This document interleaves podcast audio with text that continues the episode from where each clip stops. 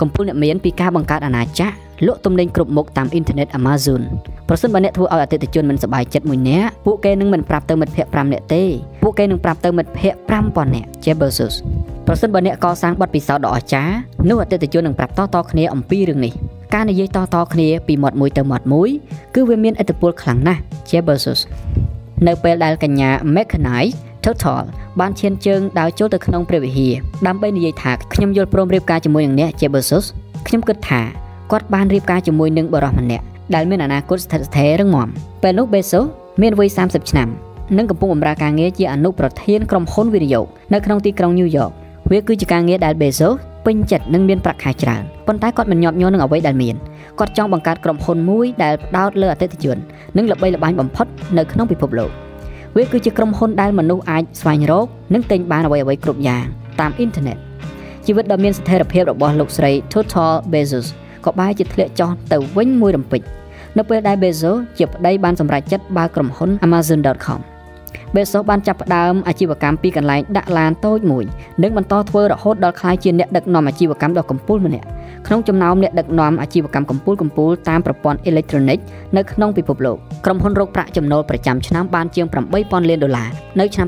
2005និងកើនឡើងដល់ជិត108,000លានដុល្លារនៅឆ្នាំ2015 Bezos បានក្លាយជាកំពូលអ្នកដឹកនាំដ៏អស្ចារ្យបំផុតក្នុងលោកឆ្នាំ2016 និងជាកំពូលអ្នកមានបំផុតក្នុងឆ្នាំ2017ហើយនឹងមានប្រាក់សរុបប្រមាណជាង100,000លានដុល្លារ Bezos ឈ្មោះពេញ Jeffrey Preston Bezos បានកើតនៅថ្ងៃទី12ខែមករាឆ្នាំ1964នៅក្នុងក្រុង Albuquerque នៃរដ្ឋ New Mexico ម្ដាយរបស់គាត់ឈ្មោះ Jackie បានរៀបការទាំងវ័យជំទង់និងបានលែងលះជាមួយនឹងឪពុករបស់គាត់នៅក្នុងឆ្នាំនោះដែរនៅពេលគាត់មានអាយុ5ឆ្នាំម្ដាយគាត់បានរៀបការម្ដងទៀតជាមួយនឹងលោក Miguel Bezos ដែលជាវិស្វករជនជាតិគុយបាធ្វើការនៅក្រុមហ៊ុន Exxon ក្រុមហ៊ុនរបស់ Bezos បានផ្លាស់ទីលំនៅទៅនៅក្រុង Houston នៃរដ្ឋ Texas ជាមួយនឹងជីតាខាងម្ដាយដែលមានដីទំហំជិត10000ហិកតានៅទីនោះហើយដែល Bezos បានចំណាយពេលភាគច្រើនបំផុតនៅរដូវក្តៅរៀនពីមូលដ្ឋានគ្រឹះនៃអ្វីៗគ្រប់យ៉ាងទាំងពីការមើលថែនិងព្យាបាលសត្វគោក្របីរហូតដល់ជួសជុលឡានធំធំដែលជាអ្វីដែលបច្ចុប្បន្នគាត់ចាត់ទុកថាជាមេរៀនបទពិសោធន៍មិនអាចកាត់ថ្លៃបាន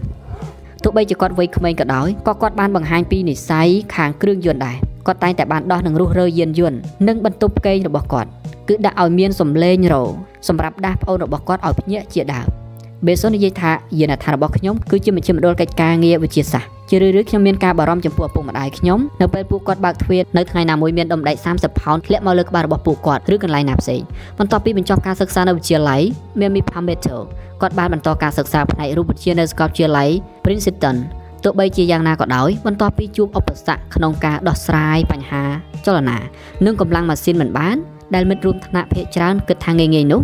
បេសូបាននិយាយថាខ្ញុំបានដឹងថា ខ្ញុំមិនអាចខ្លាចជារូបពិទូដ៏អស្ចារ្យម្នាក់បានទេខណៈនោះដែរគាត់បានសិក្សាពីវិទ្យាសាស្ត្រកុំព្យូទ័រហើយគាត់ក៏បានរកឃើញថាគាត់នៅមានភាពពូកែខាងកុំព្យូទ័របេសូបានរំលឹកថាគាត់ធ្លាប់បានរៀនកុំព្យូទ័រដំបូងកាលពីគាត់រៀននៅបឋមសិក្សាតែពេលនោះគ្មានគ្រូណាម្នាក់យល់ពីកម្មវិធីភ្ជាប់បណ្ដាញកុំព្យូទ័រទេ តែគាត់បានរៀនដោយខ្លួនឯងនិងយល់ពីកម្មវិធីភ្ជាប់បណ្ដាញកុំព្យូទ័រទាំងនោះ Beso បានបញ្ចប់ការសិក្សាពីសាកលវិទ្យាល័យ Princeton ផ្នែកវិទ្យាសាស្ត្រកុំព្យូទ័រនិងវិស្វករអគ្គិសនីទោះបីជាគាត់មានគំនិតចង់ចាប់ផ្ដើមអាជីវកម្មខ្លួនឯងក៏ដោយក៏គាត់បានសម្រេចចិត្តថា គាត់នឹងប្រើពេលវេលាឲ្យបានច្រើនដើម្បីសិក្សារៀនសូត្រពីពិភពអាជីវកម្មជាមុនសិន Bezos បានចាប់ផ្ដើមធ្វើការឲ្យក្រុមហ៊ុនកម្រៃជើងសារនៅ Wall Street ជាកន្លែងដែលគាត់អាចប្រើជំនាញកុំព្យូទ័ររបស់គាត់ក្នុងការភ្ជាប់បណ្ដាញកុំព្យូទ័រដើម្បីជួយសម្រួលដល់ដំណើរការពាណិជ្ជកម្មគាត់និយាយថានៅទីនោះហើយជាកន្លែង ធ្វើការដែលខ្ញុំបានយល់ពីអ៊ីនធឺណិតថាមានការរីកលូតលាស់យ៉ាងខ្លាំងរហូតដល់2300%ក្នុងមួយឆ្នាំវាបានដាស់ឲ្យភ្ញាក់ដល់សហគ្រិនវ័យក្មេងដោយរូបខ្ញុំឲ្យចាប់ផ្ដើមធ្វើអាជីវកម្មនៅថ្ងៃមួយ Bezos បានប្រាប់ទៅថៅកែគាត់នៅ Wall Street ថាខ្ញុំនឹងធ្វើរឿងឈួតមួយខ្ញុំនឹងចាប់ផ្ដើមបើកក្រុមហ៊ុនលក់សៀវភៅតាមអ៊ីនធឺណិតគាត់និយាយថានៅឆ្នាំ1994អ៊ីនធឺណិតបានរីកលូតលាស់2300%ក្នុងមួយឆ្នាំតែអ្វីៗហាក់បីដូចជាមិនរីកលូតលាស់ដូចនេះទេវាមិនគួរឲ្យជឿឡើយ ហើយវាបានចាប់ផ្ដើមធ្វើឲ្យខ្ញុំគិតអំពីរឿងនេះថាតើអាជីវកម្មអ្វីដែលគួរធ្វើនៅក្នុងបរិបទនៃការរីកចម្រើននេះភ្លាមនោះ Bezos បានចាប់ផ្ដើមសម្លឹងមើលទៅលើ mail លំដាប់កំពូលទាំង20នៅក្នុងកិច្ចការជំនួញដើម្បីព្យាយាមស្វែងរកឲ្យឃើញថាតើ mail មួយណាដែលមានប្រសិទ្ធភាពជាងគេសម្រាប់ប្រើតាមអ៊ីនធឺណិតពេលនោះគ្មាន mail ណាមួយត្រូវបានរកឃើញឡើយដោយសារសៀវភៅវាធំពេកសម្រាប់ប្រើតាមអ៊ីមែលសម្រាប់ប្រើតាម mail Bezos ក៏បានសម្រេចចិត្តថាសៀវភៅអាចជាផលិតផលដ៏ល្អបំផុតសម្រាប់លក់តាមអ៊ីនធឺណិតនៅថ្ងៃបន្ទាប់មក Bezos បានធ្វើដំណើរទៅចូលរួមសន្និសីទអ្នកលក់សៀវភៅអាមេរិកនៅក្រុង Los Angeles ដើម្បីស្វែងយល់បន្ថែមទៅលើឧស្សាហកម្មសៀវភៅនៅទីនោះគាត់រកឃើញថាមានបញ្ជីសារពើភ័ណ្ឌតាមប្រព័ន្ធអេឡិចត្រូនិករបស់អ្នកលក់សៀវភៅដុំធំធំគឺមានរួចជាស្រេចទៅហើយ ហើយគាត់គ្រាន់តែបង្កើតកន្លែងមួយនៅលើអ៊ីនធឺណិតដែលអតិថិជនអាចស្រាវជ្រាវនិងទិញសៀវភៅបានទៅតាមអ្វីដែលពួកគេចង់ជាមួយធម៌ពលនៃការបង្កើតថ្មីនេះ Bezos បានត្រឡប់ទៅទីក្រុង New York វិញជាកន្លែងដែលគាត់ទទួលបានការគ្រប់គ្រងពីប្រពន្ធនិងឪពុកម្ដាយរបស់គាត់លើផ្នែកហិរញ្ញវត្ថុដែលជាប្រាក់ដែលពួកគាត់បានសន្សំមួយជីវិតចំនួន30ម៉ឺនដុល្លារពេលនោះ Bezos បានបោះបង់ភាពស្រណុកសុកស្រួលចោលហើយមកបដិញ្ញាចាប់ផ្ដើមបើកក្រុមហ៊ុនខ្លួនឯង Bezos និងប្រពន្ធរបស់គាត់បានធ្វើដំណើរទៅកាន់រដ្ឋ Texas និងបន្ទាប់មកទៅកាន់ក្រុង Seattle ជាកន្លែងដែលគាត់គិតថាល្អសម្រាប់ការចាប់ផ្ដើមអាជីវកម្មរបស់គាត់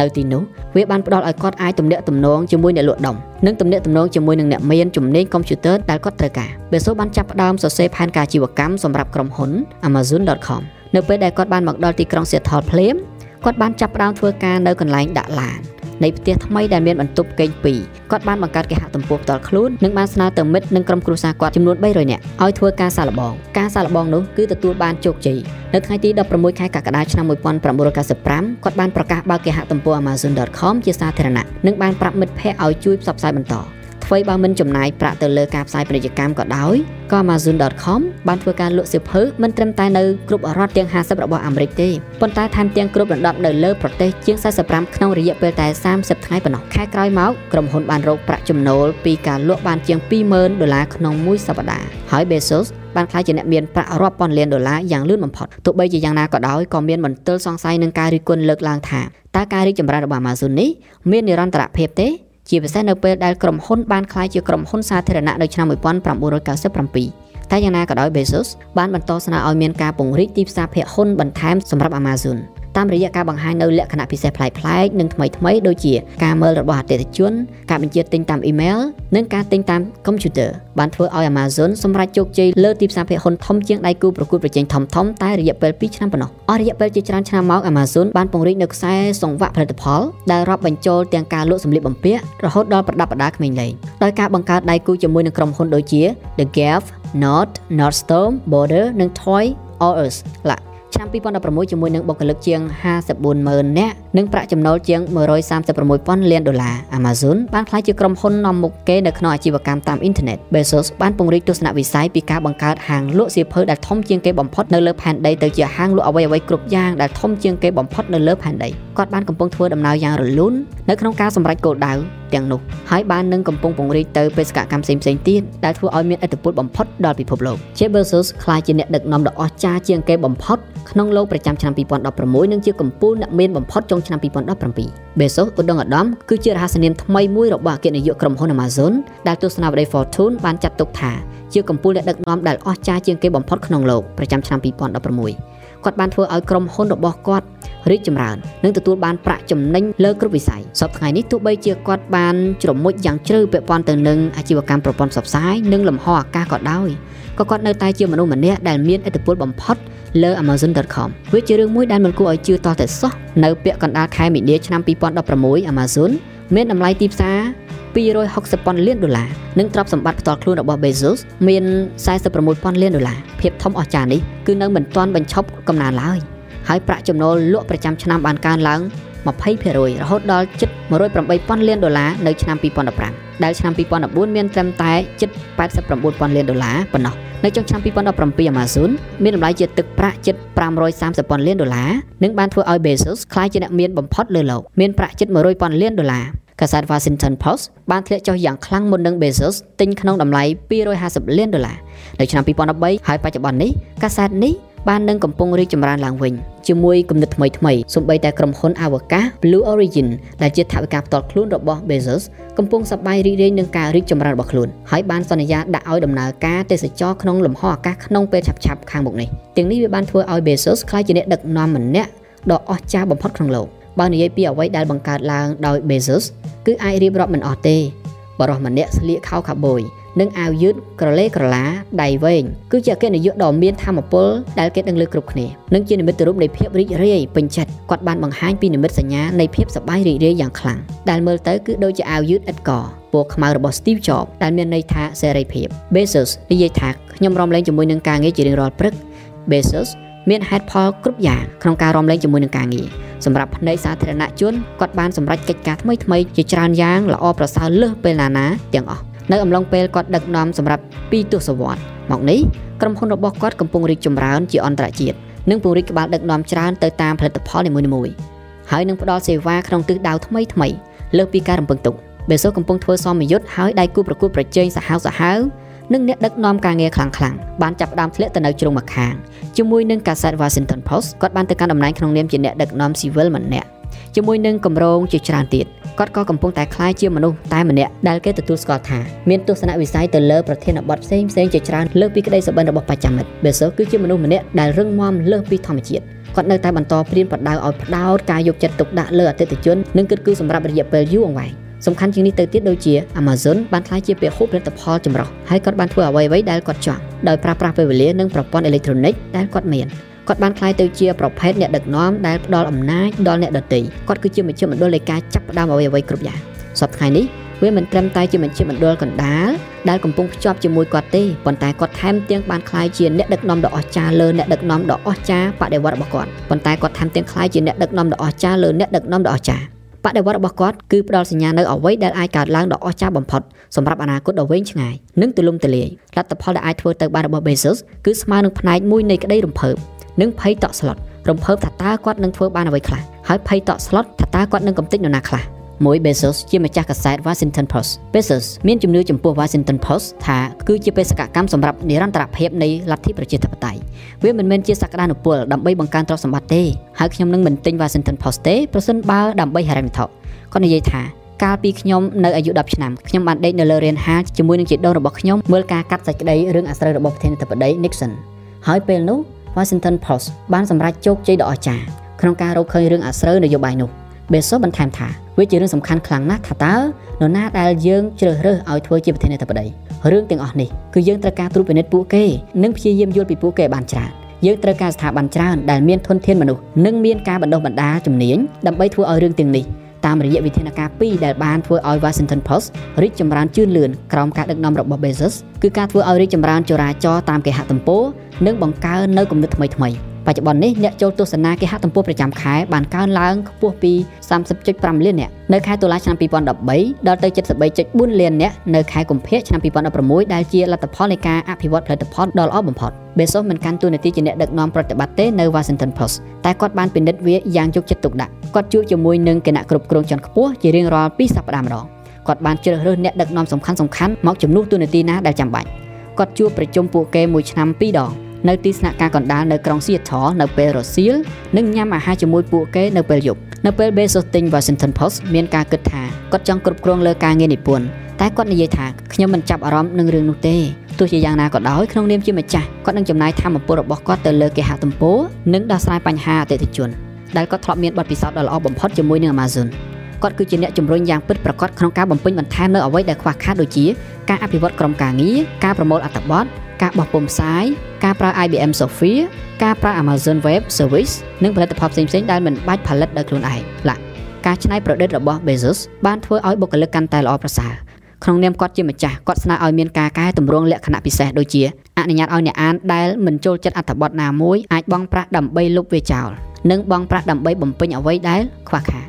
គំនិតទាំងនេះគឺគ្មានអ្វីនៅឆ្ងាយទេតែក៏គ្មានអ្វីដែលថាគាត់មិនឆ្លាតដែរ Bezos គឺជាមនុស្សដែលមានជំនឿមិនចេះស្ដាយក្រោយគាត់និយាយថាការធ្វើការងារជាមួយមនុស្សឆ្លាតនៅមុខក្តារខៀនច្រើនគឺយើងនឹងទទួលបានគំនិតអាក្រក់ៗច្រើនណាស់បុគ្គលិករបស់ Washington Post ហាក់ដូចជាផ្ដល់តម្លៃខ្ពស់ទៅលើ Bezos ដែលគាត់បានផ្ដល់ដង្ហើមឲ្យពួកគេរស់ខណៈដែលពួកគេចំណាយពេលឥតប្រយោជន៍ជាមួយមធ្យោបាយដើម្បីរស់ដោយព័ត៌មានបោះពុម្ពគាត់បានផ្លាស់ប្ដូរពីព័ត៌មានបោះពុម្ពទៅជាព័ត៌មានតាមបច្ចេកវិទ្យា Digital ចំនួននៃការជួលបុគ្គលិកបានកើនឡើងវិញជាពិសេសក្រោមការដឹកនាំរបស់ Bezos គាត់បានផ្ដល់ឲ្យនៅធនធានច្រើនសម្រាប់អ្នកកាសែតអាជីពពិតប្រាកដបុគ្គលិកត្រូវបានផ្ដល់តម្លៃខ្ពស់និងអនុញ្ញាតឲ្យពួកគេហ៊ានប្រថុយប្រឋានមិនខ្លាចបរាជ័យនិងតនកម្មផ្សេងៗឡើយទាំងនេះបានផ្ដល់នៅអត្ថន័យខ្លឹមសារនិងធម៌ពលយ៉ាងខ្លាំងសម្រាប់អ្នកសារព័ត៌មានខណៈដែលអ្នកសារព័ត៌មានផ្សេងផ្សេងទៀតដែលធ្វើការក្នុងវិស័យនេះប្រសិនបើការងាររបស់ពួកគេមិនជោគជ័យពួកគេនឹងជួបឧបសគ្គនៅត្រីមាសបន្តមិនខាន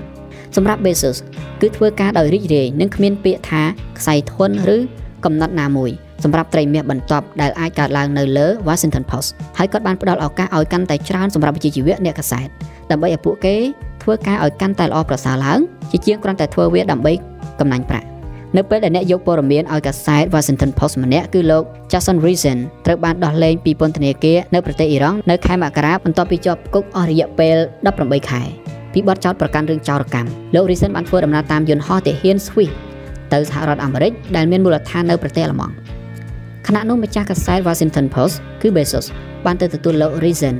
និងជូនគាត់ទៅផ្ទះ Bezos បានបង្ហាញចំណាប់អារម្មណ៍ចំពោះលោក Reason ថាវាជាផ្នែកមួយនៃបេសកកម្មដែលមិនអាចប្រកែកបានដែលកាសែត Washington Post បានបញ្ជូនមនុស្សទៅកន្លែងដែលគ្រោះថ្នាក់ហើយត្រូវបានគេខាត់ខ្លួនក្នុងខណៈពេលយកព័ត៌មាននៅអ៊ីរ៉ង់ Bezos យល់ថាអ្វីដែលកើតឡើងចំពោះ Reason និងភរិយារបស់គាត់ Gigi គឺជាអ្វីដែលមិនត្រឹមត្រូវបំផុត និងអយុត្តិធម៌បំផុត ហើយក៏ជាការប្រមាថមួយដ៏ធ្ងន់ធ្ងរបំផុតពេលសូបានពិចារណាថាវាជាបបិសិទ្ធមួយដែលខ្ញុំអាចទៅទទួល reason មកវិញខ្ញុំបានធ្វើដំណើរទៅដល់មូលដ្ឋានកងទ័ពនៅពេលរាត្រីនិងបានញ៉ាំអាហារពេលយប់ជាមួយនឹងពួកគាត់ប៉ុន្មានថ្ងៃបន្ទាប់ពីគាត់ត្រូវបានដោះលែងឲ្យមានសេរីភាពបន្ទាប់ពីគេសាកសួរព័ត៌មានរួចរាល់ហើយខ្ញុំបានសួរគាត់ថាតើចង់ទៅទីណាខ្ញុំនឹងនាំអ្នកទៅកន្លែងណាក៏ដោយដែលអ្នកចង់ទៅ Reason បានឆ្លើយតបវិញថាចុះក៏ Key West កន្លែងទេសចរដ៏ល្បីឈ្មោះនៅរដ្ឋ Florida សហរដ្ឋអាមេរិក ហើយខ្ញុំក៏ឆ្លើយថាអូខេនឹងនាំពួកគាត់ទៅកាន់ទីនោះ Reason និងភរិយារបស់គាត់ Yichi ទើបតែរៀបការបានមួយឆ្នាំមុននឹងគេចាប់ខ្លួនហើយវាបានផ្ដល់ឱកាសដ៏ល្អបំផុតឲ្យពួកគាត់ក្រេបទឹកឃ្មុំជាលើកទី2អ្នកយកព័ត៌មាននិងម្ចាស់មានភាពសប្បាយរីករាយក្រៃលែងហើយក៏បានជិះយន្តហោះទៅកាន់ទីនោះនៅក្នុងយន្តហោះ Reason បាននិយាយទៅកាន់ Bezos ថាតើអ្នកនឹងធ្វើសេចក្តីថ្លែងការណ៍ផ្ទាល់ខ្លួនយ៉ាងម៉េចចំពោះរឿងនេះប្រសិនបើមានអ្នកសារព័ត៌មានគេសួរពេលនោះ Bezos បានឆ្លើយថាខ្ញុំគ្រាន់តែធ្វើអ្វីៗដើម្បីបុគ្គលិក ការជំរុញលើកទឹកចិត្តរបស់ខ្ញុំគឺសាមញ្ញបំផុតយើងមិនដែលបោះបង់នរណាម្នាក់ចោលឡើយហើយខ្ញុំនឹងសប្បាយរីករាយបំផុតប្រសិនបើពួកគេទទួលយកគំនិតនេះអ្នកនិពន្ធកាសែត Washington Post លោក Matthew Barron គឺជាម្ចាស់ពានរង្វាន់ Oscar សម្រាប់និមិត្តរូបល្អបំផុតនៃ Spotlight ដែលជាភាពយន្តដែលគាត់បាននិពន្ធនិយាយអំពីក្រុមអ្នកកាសែតមួយក្រុមស្វែងរកយុទ្ធធម៌និងការពិតនៅពិភព Boston Barron គឺពិតដោយតួអង្គលោក Lee Scriber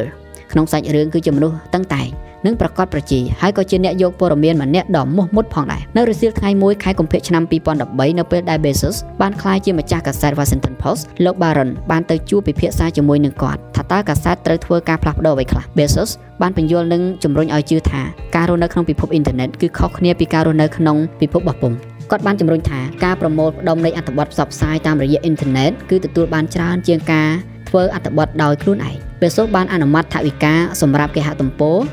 Post Everything សម្រាប់អ្នកជំនាញឯកទេសដើម្បីផ្សព្វផ្សាយគំនិតនិងទស្សនៈរបស់ពួកគេតាំងពីនោះមកក៏មានការចងភ្ជាប់បណ្ដាញទំនាក់ទំនងជាមួយអ្នកមានទេពកោសល្យថ្មីថ្មីកើនឡើងជាលំដាប់ហើយនឹងបានភ្ជាប់ទំនាក់ទំនងជាមួយនឹងអ្នកកាសែតឯករាជ្យរហូតដល់ជាង800នាក់នៅក្នុងសហរដ្ឋអាមេរិកដែលអាចធ្វើអត្ថបទបានក្នុងរយៈពេលតែប៉ុន្មានវិនាទីប៉ុណ្ណោះលោក Baron បានធ្វើការប្រៀបធៀបនឹងបណ្ដាញទំនាក់ទំនងនៃពិភពបច្ចេកវិទ្យានិងការបង្កើតថ្មីដូចគ្នាទៅនឹង Amazon.com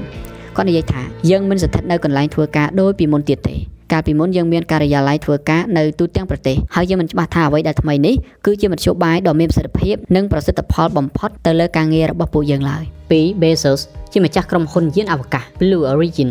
នៅពេលដែលអ្នកដើរចូលទៅទ្វារការិយាល័យយានអវកាស Blue Origin ដែលជាតំបន់ឧស្សាហកម្មមួយនៅជិតប្រលានយន្តហោះអន្តរជាតិ Seattle Tacoma អ្នកនឹងឃើញភ្លាមថាអ្នកបានចូលទៅឋានសួគ៌យានអវកាសកំពុងវិលនៅផ្លូវច្រកចូលពេលឡើងទៅជាន់លើគឺជាកន្លែងទទួលភ្ញៀវដែលមានលំហសារមន្ទីរនិងគំរូឋានសួគ៌ដ៏ល្អឥតខ្ចោះ យាននោះមានគម្រោងកម្ដៅនៅចំកណ្ដាលគឺជាមូលដ្ឋាននៃកម្លាំងកំជ្រួចដែលមានអណ្ដាតភ្លើងនៅខាងក្រោមនិងបញ្ចេញនៅកម្ដៅពិតសម្រាប់បេសកកម្មលំហអាកាសដោយរាប់បញ្ចូលទាំងការគ្រប់គ្រងលំហូរប្រេងនិងម៉ាស៊ីនបញ្ជាឡើងចុះដោយសុវត្ថិភាពអ្វីអ្វីទាំងអស់នេះគឺបានមកពីគំនិតផ្ទាល់របស់ Bezos គាត់គឺជាមនុស្សដែលមានចំណាប់អារម្មណ៍ខ្លាំងក្នុងការកែច្នៃវិទ្យាសាស្ត្រតាំងពីនៅវ័យកុមារ អ្វីអ្វីគ្រប់យ៉ាងនៅក្នុងអាគារដ៏ធំគឺជាកម្មសិទ្ធិរបស់គាត់ដោយរួមបញ្ចូលទាំងយានអវកាសយានអវកាស Blue Origin គឺកំពុងអភិវឌ្ឍនិងធ្វើការសាកល្បងក្នុងពេលឆាប់ៗនេះ Bezos ខ្លួនគាត់ផ្ទាល់មានបំណងឡើងជិះវាសម្រាប់រយៈពេលច្រើនឆ្នាំនៅពេលគម្រោងនេះរួចរាល់នឹងអាចហោះហើរដឹកមនុស្សបាន Bezos បានចាប់ផ្ដើមគម្រោងយានអវកាស Blue Origin ដោយស្ងៀមស្ងាត់អស់រយៈពេល16ឆ្នាំមកហើយវាជាគម្រោងស្រាវជ្រាវមួយដែលស្ទើរតែស្ងាត់ឈឹងរហូតមកដល់បច្ចុប្បន្នលោក Rob Mayerson ដែលជាវិស្វករលំហអាកាសនិងជាប្រធាន Blue Origin នេះបាននិយាយថាគម្រោងលាក់កំបាំងដ៏ធំនេះគឺជាកិច្ចខិតខំប្រឹងប្រែងមួយដើម្បីជៀសវាងការផ្សព្វផ្សាយបច្ចេកវិទ្យាគ្មានការពិតលោក Meyerson បានចូលរួមគម្រោងនេះនៅក្នុងឆ្នាំ2003តាំងពីមានបុគ្គលិកប្រហែល10នាក់ប៉ុណ្ណោះនៅពេលនោះ Bezos បានចំណាយប្រាក់សម្រាប់គម្រោងស្រាវជ្រាវផ្សេងៗដែលបាញ់បង្ហោះយានអវកាសចេញទៅដោយគ្មានសម្លេងនិងមិនបំពុលបរិយាកាសកម្មវិធីលំហអាកាសនេះមានតាំងពីទសវត្សរ៍ទី60មកម្លេះ លោក Meyerson បាននិយាយថាការស្រាវជ្រាវបានបរាជ័យច្រើនលើកច្រើនសារហើយ Bezos តែងតែបានធ្វើការផ្លាស់ប្ដូរគំនិតរបស់គាត់ Bezos យល់ថាយើងគួរតែវិនិយោគលើកម្លាំងជំរុញដែលអាចធ្វើឲ្យការហោះហើរបានយូរបំផុតហើយទាំងអស់នេះគឺវាបានជាប់ជាមួយនឹងទស្សនវិស័យដើមរបស់គាត់ដែលចង់ឲ្យមនុស្សរាប់លានអ្នករស់នៅក្នុងលំហអាកាសបន្ទាប់ពីកែលម្អនិងការចាប់ផ្ដើមជាច្រើនឆ្នាំមក Blue Origin គឺបានត្រៀមខ្លួនរួចជាស្រេចដើម្បីហោះឡើងទៅក្នុងលំហអាកាសគម្រោងនេះបានជោគជ័យក្នុងការបញ្ជូនយានអវកាសហោះហើរដោយស្វ័យប្រវត្តិ នៅក្នុងលំហអាកាសក្នុងរយៈពេលខ្លីវាមានរយៈពេល10នាទីពីចាប់ផ្ដើមឡើងនិងចុះចតហើយវាបានហោះហើរបានប្រហែល100គីឡូម៉ែត្រពីផែនដីនិងចុះចតដោយសុវត្ថិភាពក្រុមហ៊ុនមិនទាន់និយាយថាពេលណានឹងទទួលអ្នកដំណើរតែវាមានផែនការក្នុងពេលឆាប់ៗខាងមុខនេះលោក Meyerson បាននិយាយថាយើងចង់លក់សម្បត្តិឲ្យអតិថិជននិងចាប់ផ្ដើមហោះហើរនៅក្នុងឆ្នាំ2018នេះខ្ញុំស្រមៃថាខ្ញុំនឹងឡើងជិះវាជាមួយ Bezos ដូចគ្នានឹងការគ្រប់គ្រង Washington Post ដែរ Bezos តែងតែជំរុញគម្រោង Blue Origin តាមរយៈទូនាទីមិនដឹកនាំការប្រតិបត្តិការផ្ទាល់លោក Meyerson និយាយថា Bezos តែងបានចំណាយពេលដ៏យូរក្នុងមួយខែម្ដងដើម្បីពិនិត្យមើលដំណើរការប្រតិបត្តិនិងការវិវត្តរបស់វាដែលជារឿយៗរាប់បញ្ចូលទាំងការធ្វើបទបង្ហាញរបស់អ្នកជំនាញឯកទេសពីខាងក្រៅលោក Meyerson និយាយថាគាត់ចាប់ផ្ដើមពីគម្រោងផ្ដួចផ្ដើម6ទំព័រដែលខ្លីនិងខ្លឹមបំផុតការប្រជុំដោយមិនប្រើ PowerPoint គឺមានតែសំណួរសួររហូតដល់គាត់ទន់ចិត្តឥឡូវនេះ Bezos បានធ្វើឲ្យវាកើតពិតប្រាកដមែន Bezos មិននិយាយអំពីចំនួនប្រាក់ដែលគាត់បានចំណាយប្រើប្រាស់សម្រាប់គម្រោង Origin ទេ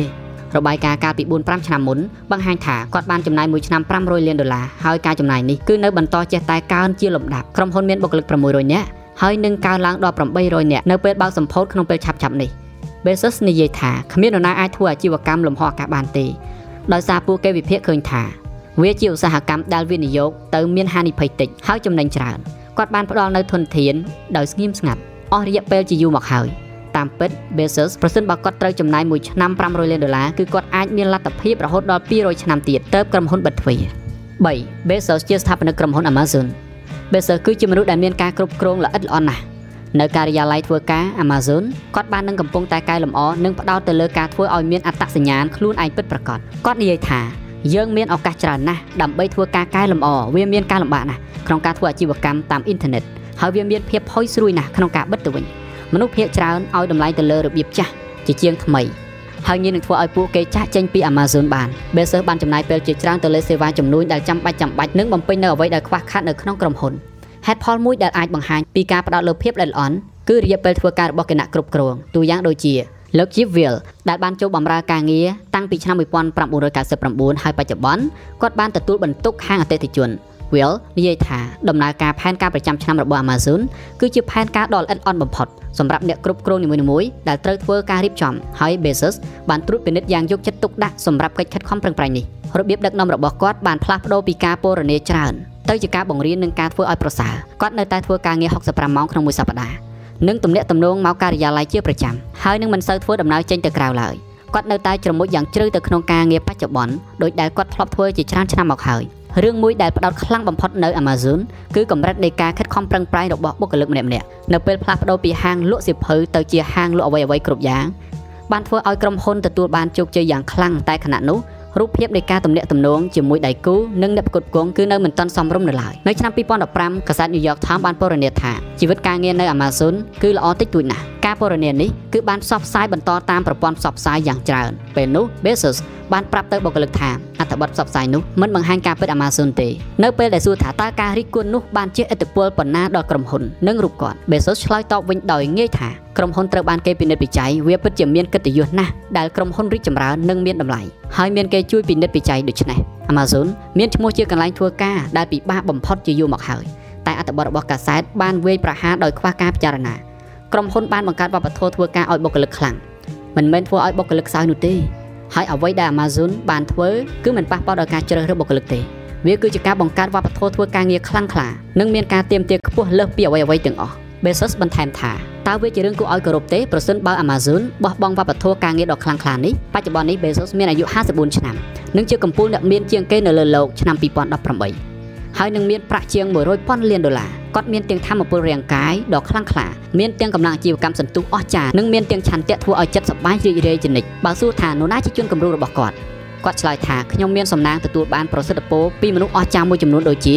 ឪពុកម្ដាយរបស់ខ្ញុំលោក JP Morgan អ្នកជំនាញហិរញ្ញវត្ថុនិងធនាគារអាមេរិកលោក Jamie Dimon ជាអគ្គនាយកធនាគារ JP Morgan និងលោក Warren Buffett កំពូលអ្នកមេរបស់អាមេរិកខ្ញុំមានការគោរពពួកគាត់ទាំងនោះណាស់ហើយខ្ញុំគិតថាខ្ញុំតែងតែមានការខ្វះខាតអ្វីមួយជានិច្ច Bezos គឺតែងតែមានការផ្ដួចផ្ដើមគំនិតក្នុងការបង្កើតសន្និសិទនិងការស្រាវជ្រាវវិទ្យាសាស្ត្រសហគ្រិនមនុស្សយន្តនិងអ្វីអ្វីដែលតាក់ទងនឹងប្រព័ន្ធផ្សព្វផ្សាយ Amazon និង Blue Origin ភាពជាអ្នកដឹកនាំសំខាន់សំខាន់របស់ Jeff Bezos ទី1គិតអំពីអតិថិជនកុំគិតពីគូប្រកួតប្រជែង Bezos និយាយថាមានមធ្យោបាយច្រើនដើម្បីផ្ដោតការយកចិត្តទុកដាក់ទៅលើភាពជោគជ័យ អ្នកអាចផ្ដោតលើអតិថិជនឬក៏ផ្ដោតលើដៃគូប្រកួតប្រជែងអ្នកខ្លះផ្ដោតការយកចិត្តទុកដាក់ផ្នែកខាងក្នុងប្រសិនបើពួកគេជួបនឹងគ្រោះច្រើននោះពួកគេអាចនឹងដួលរលំក្រុមហ៊ុនទាំងមូលតែម្ដងការរីកចម្រើនដំបូងដំបូងរបស់ Amazon ស្ទើរតែទាំងអស់គឺដោយការនិយាយតៗគ្នាទាំងនេះគឺមិនមែនជាយុទ្ធសាស្ត្ររបស់ Bezos ទេតែគាត់គ្មានលុយសម្រាប់ចំណាយទៅលើការផ្សព្វផ្សាយពាណិជ្ជកម្មនិងមានជំរើសតិចតួចបំផុតក្នុងការធ្វើ ប៉ុន្តែតាមរយៈបទពិសោធន៍កាលពីនៅក្មេងដែលគាត់បានរៀនពីមេរៀនមួយក្នុងចំណោមមេរៀនដ៏សំខាន់បំផុតនៅក្នុងអាជីពពាណិជ្ជកម្មរបស់គាត់គឺផ្ដល់សេវាកម្មឲ្យល្អបំផុតនិងពេញចិត្តបំផុតដល់អតិថិជនហើយលទ្ធផលវានឹងមកដោយខ្លួនឯង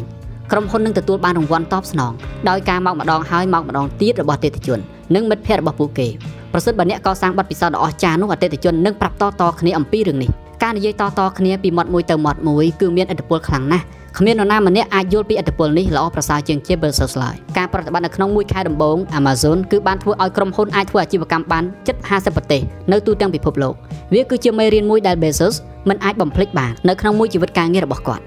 យើងមានអតិថិជនច្រើនណាស់ដែលបង្រៀនយើងបានល្អបំផុតហើយយើងមានវប្បធម៌ដ៏ត្រឹមត្រូវ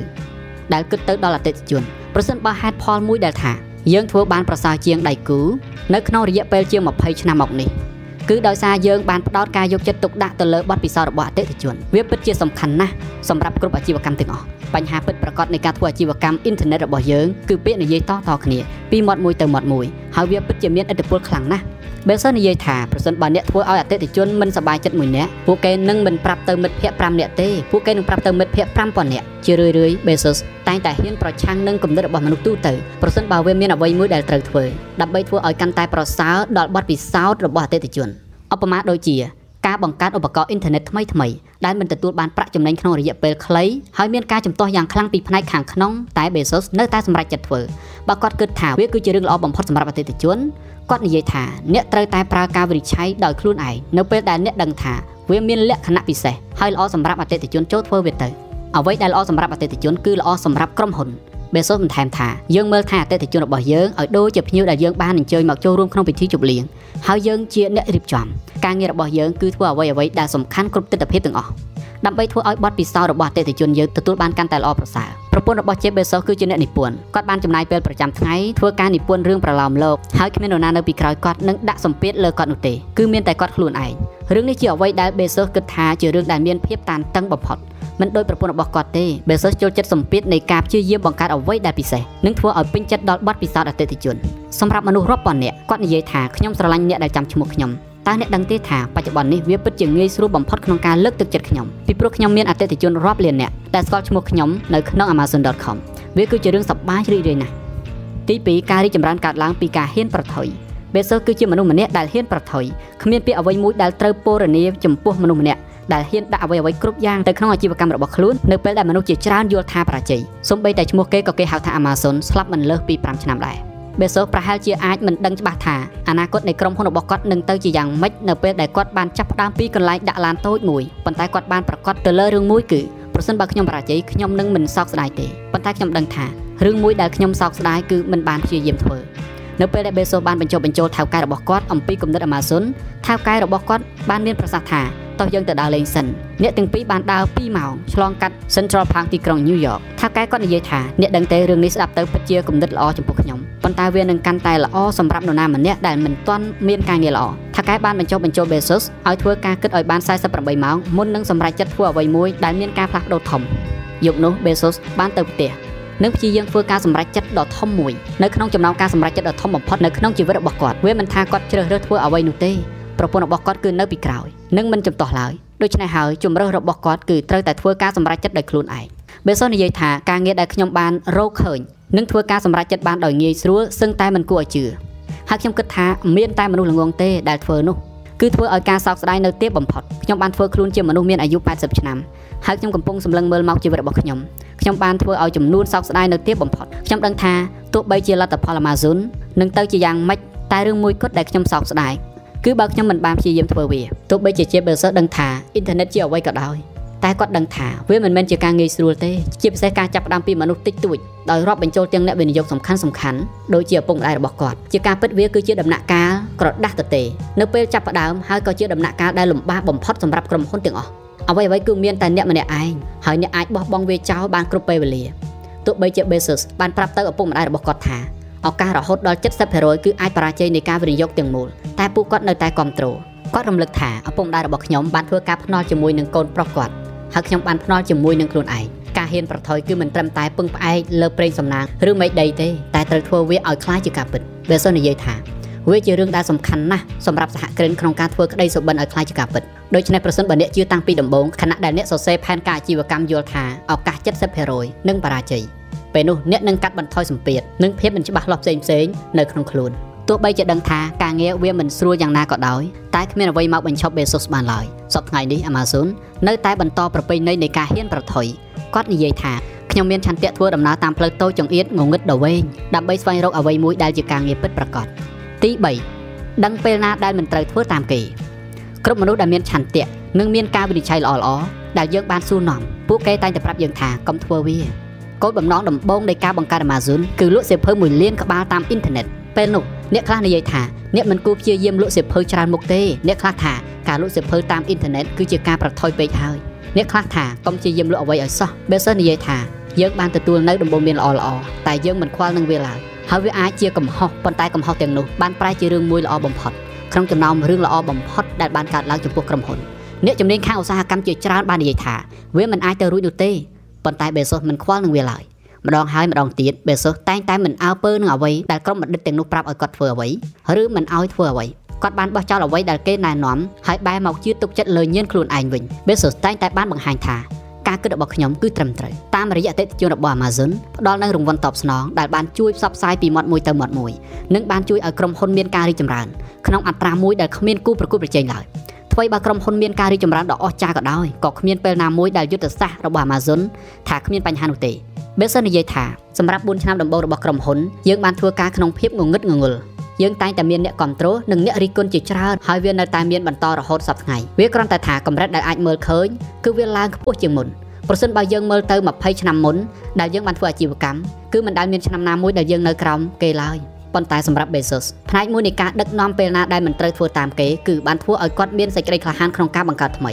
គាត់ទទួលស្គាល់ថាគុណសម្បត្តិដែល Amazon មានលើសគូប្រកួតគឺមិនគ្រាន់តែរឿងមួយនោះទេវាមិនគ្រាន់តែជាការប្រមូលផ្ដុំនៃរឿងតូចៗប៉ុណ្ណោះទេប៉ុន្តែវាបូកផ្សំជាមួយនឹងលក្ខណៈពិសេសនៃការបង្កើតថ្មីជាច្រើនដែលវាបានបង្កើតបទពិសោធន៍គ្មានគូប្រៀបសម្រាប់អតិថិជនគឺជាអ្វីដែលជួយឲ្យ Amazon ឡើងដល់ចំណុចកំពូល ឧទាហរណ៍ដូចជាយើងបានបង្កើតឧបករណ៍ដែលអនុញ្ញាតឲ្យអតិថិជនធ្វើការស្រាវជ្រាវអត្ថបទសៀវភៅទាំងមូលរាប់ម៉ឺនក្បាលតាមអ៊ីនធឺណិតហើយវាជាអ្វីដែលមិនដែលមានតតែសោះមុននឹងមាន Amazon វាអាចជាគំនិតឈួតឈួតតែវាជាមធ្យោបាយតែមួយគត់ដើម្បីឲ្យដឹងថាតើយើងអាចសាកល្បងបានដែរឬទេនៅក្នុងកម្រិតនៃចំណែកដ៏ធំធេងនេះ Bezos តែងតែនាំមុខគេជានិច្ចនិងធ្វើនៅអ្វីអ្វីគ្រប់យ៉ាងដែលអាចធ្វើទៅបានដើម្បីបង្កើតថ្មីវាចាំបាច់ត្រូវដើរលើផ្លូវថាតើអ្នកជាមនុស្សរឹងរូសឬជាមនុស្សចេះបត់បែន Bezos និយាយថាប្រសិនបើអ្នកមិនមែនជាមនុស្សរឹងរូសអ្នកនឹងបោះបង់ចោលភ្លាមនៅការពិសោធន៍របស់អ្នកតែប្រសិនបើអ្នកមិនចេះបត់បែន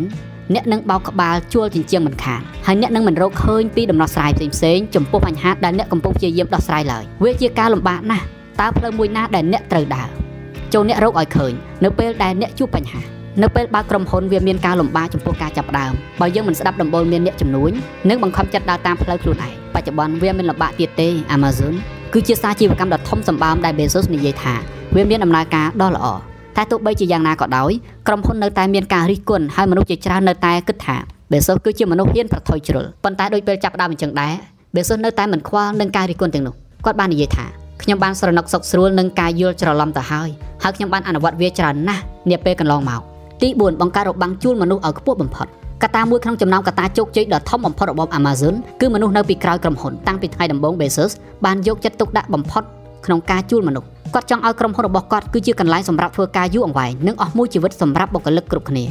Bezos បានប្រាប់ទៅសហការីនៅពេលចាប់ផ្ដើមបើកក្រុមហ៊ុនដំបូងដំបូងថាខ្ញុំសុកចិត្តសម្ភាសមនុស្ស50នាក់ហើយមិនជួលម្នាក់ជាជាងជួលមនុស្សខុសវាអាចគ្មានធនធានដ៏ល្អបំផុតសម្រាប់ប្រើនៅក្នុងក្រុមហ៊ុនតែខ្ញុំចូលលើទស្សនវិស័យវិញឆ្ងាយ Bezos និយាយថាវប្បធម៌គឺមិនត្រូវធ្វើផែនការច្រើនដងដោយមនុស្សដែលបានចូលរួមពីដំបូងដំបូងនោះទេនៅពេលវប្បធម៌ការងារត្រូវបានបង្កើតបើមានបុគ្គលិកថ្មីថាតើពួកគេមិនចូលចិត្តវាហើយចាក់ចេញឬចូលចិត្តវាហើយនៅជាមួយប៉ុន្តែវប្បធម៌គឺមិនអាចផ្លាស់ប្ដូរបានទេនៅក្នុងក្រុមហ៊ុន Bezos បានបង្កើតវប្បធម៌ការងារជាអតិភិបខ្ពស់បំផុតនិងបានផ្ដោតឲ្យមានវប្បធម៌ធ្វើឲ្យខ្លួនឯងកាន់តែខ្លាំងនិងកាន់តែមានស្ថិរភាព ទាំងនេះត្រូវបានគេនិយាយថា Bezos មានការតំណាក់តំណងគួរឲ្យខ្លាចនៅថ្ងៃមួយក្រុមហ៊ុនមានកិច្ចប្រជុំចង្អៀតមួយជាមួយបុគ្គលិករបស់ខ្លួនហើយបានធ្វើឲ្យការពិភាក្សាលើប្រធានបទរចនាសម្ព័ន្ធនៃក្រុមហ៊ុននិងប្រព័ន្ធទំនាក់ទំនងនៅក្នុងស្ថាប័ននៅក្នុងកិច្ចពិភាក្សានោះបុគ្គលិកភាគច្រើនបានឯកភាពថាការទំនាក់ទំនងដ៏អស្ចារ្យគឺជាតម្រូវការចាំបាច់ដែលត្រូវធ្វើឲ្យមាននៅក្នុងក្រុមហ៊ុនពេលនោះ Bezos បានក្រោកឈរឡើងហើយប្រកាសថា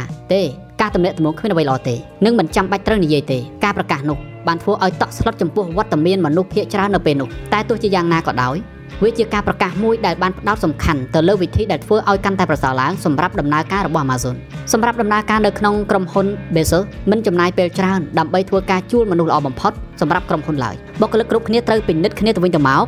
និងបង្កើតក្រុមការងារដោយខ្លួនឯង មុននឹងត្រូវធ្វើអ្វីមួយគាត់បានធ្វើវិមជ្ឈការក្រុមហ៊ុនដែលផ្ដល់ឲ្យក្រុមតូចតូចធ្វើការបង្កើតថ្មីនិងព្យាយាមសម្រេចទស្សនវិស័យខ្លួនឯងដោយភាពឯករាជ្យម្ចាស់ការគំនិតនេះបាននាំឲ្យ Bezos បង្កើតក្រុមការងារភីសា2ប្រសិនបើក្រុមណាមួយមិនអាចញ៉ាំភីសា2គ្រប់ទេមានន័យថាក្រុមនោះធំពេកហើយដូច្នេះនៅក្នុង Amazon ភាគច្រើនគឺជាក្រុមការងារឯករាជ្យដែលមានចំនួនកំណត់ពី5ទៅ7នាក់ក្រុមនីមួយៗត្រូវធ្វើការបង្កើតថ្មីដោយខ្លួនឯងដោយចេញពីបេះដូងរបស់ក្រុម និងព្យាយាមធ្វើអ្វីពិសេសថ្មីថ្មីហើយនឹងញ៉ាំភីសាពីរជាមួយគ្នាសម្រាប់អាហារពេលយប់ដោយសារតែ Bezos បានអនុវត្តនៅរបាំងនៃការជួលមនុស្សខ្ពស់បំផុតបានធ្វើឲ្យគាត់អាចពឹងផ្អែកលើបុគ្គលិកក្នុងការធ្វើការងារដោយឯករាជ្យនិងរក្សាបានភាពកំពូលនៃអាជីវកម្មក្រមយុទ្ធសាស្ត្រនៃការរៀបចំក្រុមការងារផ្សេងៗនៅក្នុងក្រុមហ៊ុនគឺបានបង្ហាញថា Bezos មិនចូលចិត្តឋានៈទូនាទីឬឋានានុក្រមការងារឡើយ គាត់និយាយថាសម្រាប់អ្នកដឹកនាំទាំងអស់នៅក្នុងក្រុមហ៊ុនដោយរួមទាំងរូបខ្ញុំគឺត្រូវតែធ្វើការសម្រេចចិត្តដោយការវិភាគពិចារណាហើយត្រូវចាត់ទុកការសម្រេចចិត្តប្រភេទនេះគឺជាការសម្រេចចិត្តល្អបំផុត Bezos ចូលចិត្តការសម្រេចចិត្តដែលផ្អែកទៅលើស្ថានភាពជាក់ស្ដែងជាជាងផ្អែកលើឋានៈទូនាទីនៅក្នុងក្រុមហ៊ុនគាត់និយាយថាមនុស្សដែលមានវ័យក្មេងជាងគេនៅក្នុងក្រុមហ៊ុនក៏អាចឈ្នះការពិភាក្សាលើមនុស្សដែលមានវ័យចំណាស់ជាងគេបើការសម្រេចចិត្តនោះផ្អែកលើស្ថានភាពជាក់ស្ដែង យុទ្ធសាស្ត្រនៃការគ្រប់គ្រងរបស់ Bezos អាចបង្ហាញពីការសម្រេចចិត្តដោយគ្មានកិច្ចសហការប៉ុន្តែដោយការបង្កើតរបាំងជួលមនុស្សខ្ពស់បំផុតគាត់បាននឹងកំពុងធ្វើឲ្យប្រកាសថាក្រុមហ៊ុនរបស់គាត់រៀបចំបានល្អ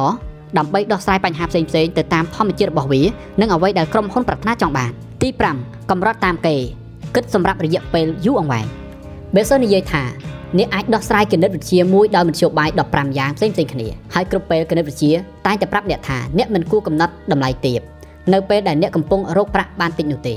ទាំងនេះគឺជាការពិតដែលគ្មានអ្វីសង្ស័យទេសម្រាប់ត្រីមាសនឹងឬឆ្នាំនឹងប៉ុន្តែវាប្រហែលជាមិនពិតសម្រាប់រយៈពេល10ឆ្នាំទៅមុខទៀតទេចំណូលកើនឡើងគឺដោយសារអតិថិជនមកទិញអីវ៉ាន់របស់អ្នកហើយចំនួននៃការទិញរបស់ពួកគេគឺដោយសារតែភាពខុសគ្នានៃកន្លែងនីមួយៗការពេញចិត្តរបស់អ្នកទិញនឹងចេះតែបន្តកើនឡើងឥតឈប់ឈរចាប់តាំងពីថ្ងៃដំបូងមកភាគច្រើននៃការខ្វែងគំនិតគ្នារបស់អ្នកវិនិយោគនិង Bezos គឺដោយសារគាត់ទាមទារឲ្យអនុវត្តយុទ្ធសាស្ត្រយូរអង្វែងសម្រាប់ក្រុមហ៊ុន Bezos មិនបានចាប់អារម្មណ៍ក្នុងការធ្វើអ្វីមួយដែលអាចជួយឲ្យលក់សៀវភៅដាច់តិចតួចក្នុងពេលបច្ចុប្បន្ននោះទេតែផ្ទុយទៅវិញគាត់នឹងធ្វើអ្វីអ្វីគ្រប់យ៉ាងដើម្បីធ្វើឲ្យប្រកាសថាគាត់នឹងលក់សៀវភៅបានច្រើននៅពេលអនាគតគាត់និយាយថាបើយើងធ្វើការវិតម្លៃអ្វីមួយនិងមើលអ្វីមួយក្នុងរយៈពេលខ្លីនោះវាពិតជាធ្វើឲ្យមានការឈឺចាប់សម្រាប់រយៈពេលវែងការអនុវត្តយុទ្ធសាស្ត្រដ៏ចម្រុងចម្រាស់មួយដែលបានសម្រេចចិត្តដោយ Bezos ការពីដំបូងដំបូងគឺអនុញ្ញាតឲ្យមានការត្រួតពិនិត្យពីចំណុចអវិជ្ជមានសិភៅនៅក្នុងគេហទំព័រ amazon.com ភ្លាមនោះគាត់ក៏បានទទួលសម្បត្តិពីមនុស្សជាច្រើនដោយសួរគាត់ថាតើអ្នកយល់ពីអាជីវកម្មរបស់អ្នកដែរឬទេអ្នករកប្រាក់តាមរយៈលក់របស់តើហេតុអ្វីបានជាអ្នកអនុញ្ញាតឲ្យមានការត្រួតពិនិត្យពីចំណុចអវិជ្ជមាននៅក្នុងគេហទំព័ររបស់អ្នកប៉ុន្តែនៅពេលនោះ Bezos បានឆ្លើយតបដោយសាមញ្ញថាទស្សនៈរបស់យើងគឺយើងនឹងលក់បានច្រើនប្រសិនបើយើងជួយមនុស្សក្នុងការសម្រេចចិត្តទិញចូលកុំច្រឡំថា ខ្ញុំមិនចាប់អារម្មណ៍នឹងប្រាក់ចំណេញខ្ញុំចង់បានប្រាក់ចំណេញជាងអ្នកដទៃទៀតតែខ្ញុំក៏ចង់ចំណេញសម្រាប់រយៈពេលរាប់ទសវត្សរ៍ទៅមុខទៀតដែរហើយទាំងនេះគឺជាអ្វីដែលខ្ញុំបានរៀបចំផែនការសម្រាប់អាជីវកម្មរបស់ខ្ញុំកន្លងមកនិងទៅអនាគតថ្មីបើក្រុមហ៊ុនបានបន្តការរីកចម្រើនក៏ដោយការសម្រេចចិត្តវិនិយោគនៅក្នុង Amazon គឺតែងតែទទួលបាននៅហានិភ័យដោយសារតែរបៀបនៃការគ្រប់គ្រងរបស់ Bezos តែទោះបីជាយ៉ាងណាក៏ដោយគាត់បានបើកទូលាយអំពីយុទ្ធសាស្ត្ររបស់គាត់ បើនរណាម្នាក់ចង់ស្វែងយល់ពីជំរឿគឺអាចមកតាក់ទងគាត់បាន Bezos បានលើកសម្ដីរបស់លោក Warren Buffett ថាប្រសិនបើអ្នកជាមនុស្សច្បាស់លាស់ខ្លាំងទៅនឹងពិភពខាងក្រៅអ្នកនឹងអនុវត្តយុទ្ធសាស្ត្រយូរអង្វែងខាងក្នុងហើយបន្ទាប់មកមនុស្សនឹងមកជ្រើសរើសអ្នកដោយខ្លួនឯងអ្នកនឹងទទួលបានម្ចាស់ភាគហ៊ុនដែលអ្នកប្រាថ្នាចង់បានមិនថាវាជាក្រុមហ៊ុនលក់សៀវភៅតាមអ៊ីនធឺណិតឬក៏ធ្វើជំនួញអ្វីផ្សេងទៀតទេ Bezos បានផ្ដល់ជាយោបល់ថា អ្នកត្រូវតែមានទស្សនវិស័យវែងឆ្ងាយទោះបីជាគាត់បានដឹងថាវាជាអ្វីដែលមានភាពចម្រូងចម្រាសច្រើនក៏ដោយឆ្លងតាមបទពិសោធន៍របស់គាត់គឺវាពិតជាអនុវត្តបានបេសូសនិយាយថាមានមនុស្សជាច្រើនដែលជឿថាអ្នកគួររស់នៅសម្រាប់ពេលបច្ចុប្បន្នតែខ្ញុំគ្រាន់តែមិនមែនជាមនុស្សម្នាក់ក្នុងចំណោមពួកគេសម្រាប់ខ្ញុំអ្វីដែលអ្នកត្រូវធ្វើគឺគិតអំពីការពង្រីកពេលវេលាទៅមុខឲ្យបានខ្លាំងក្លា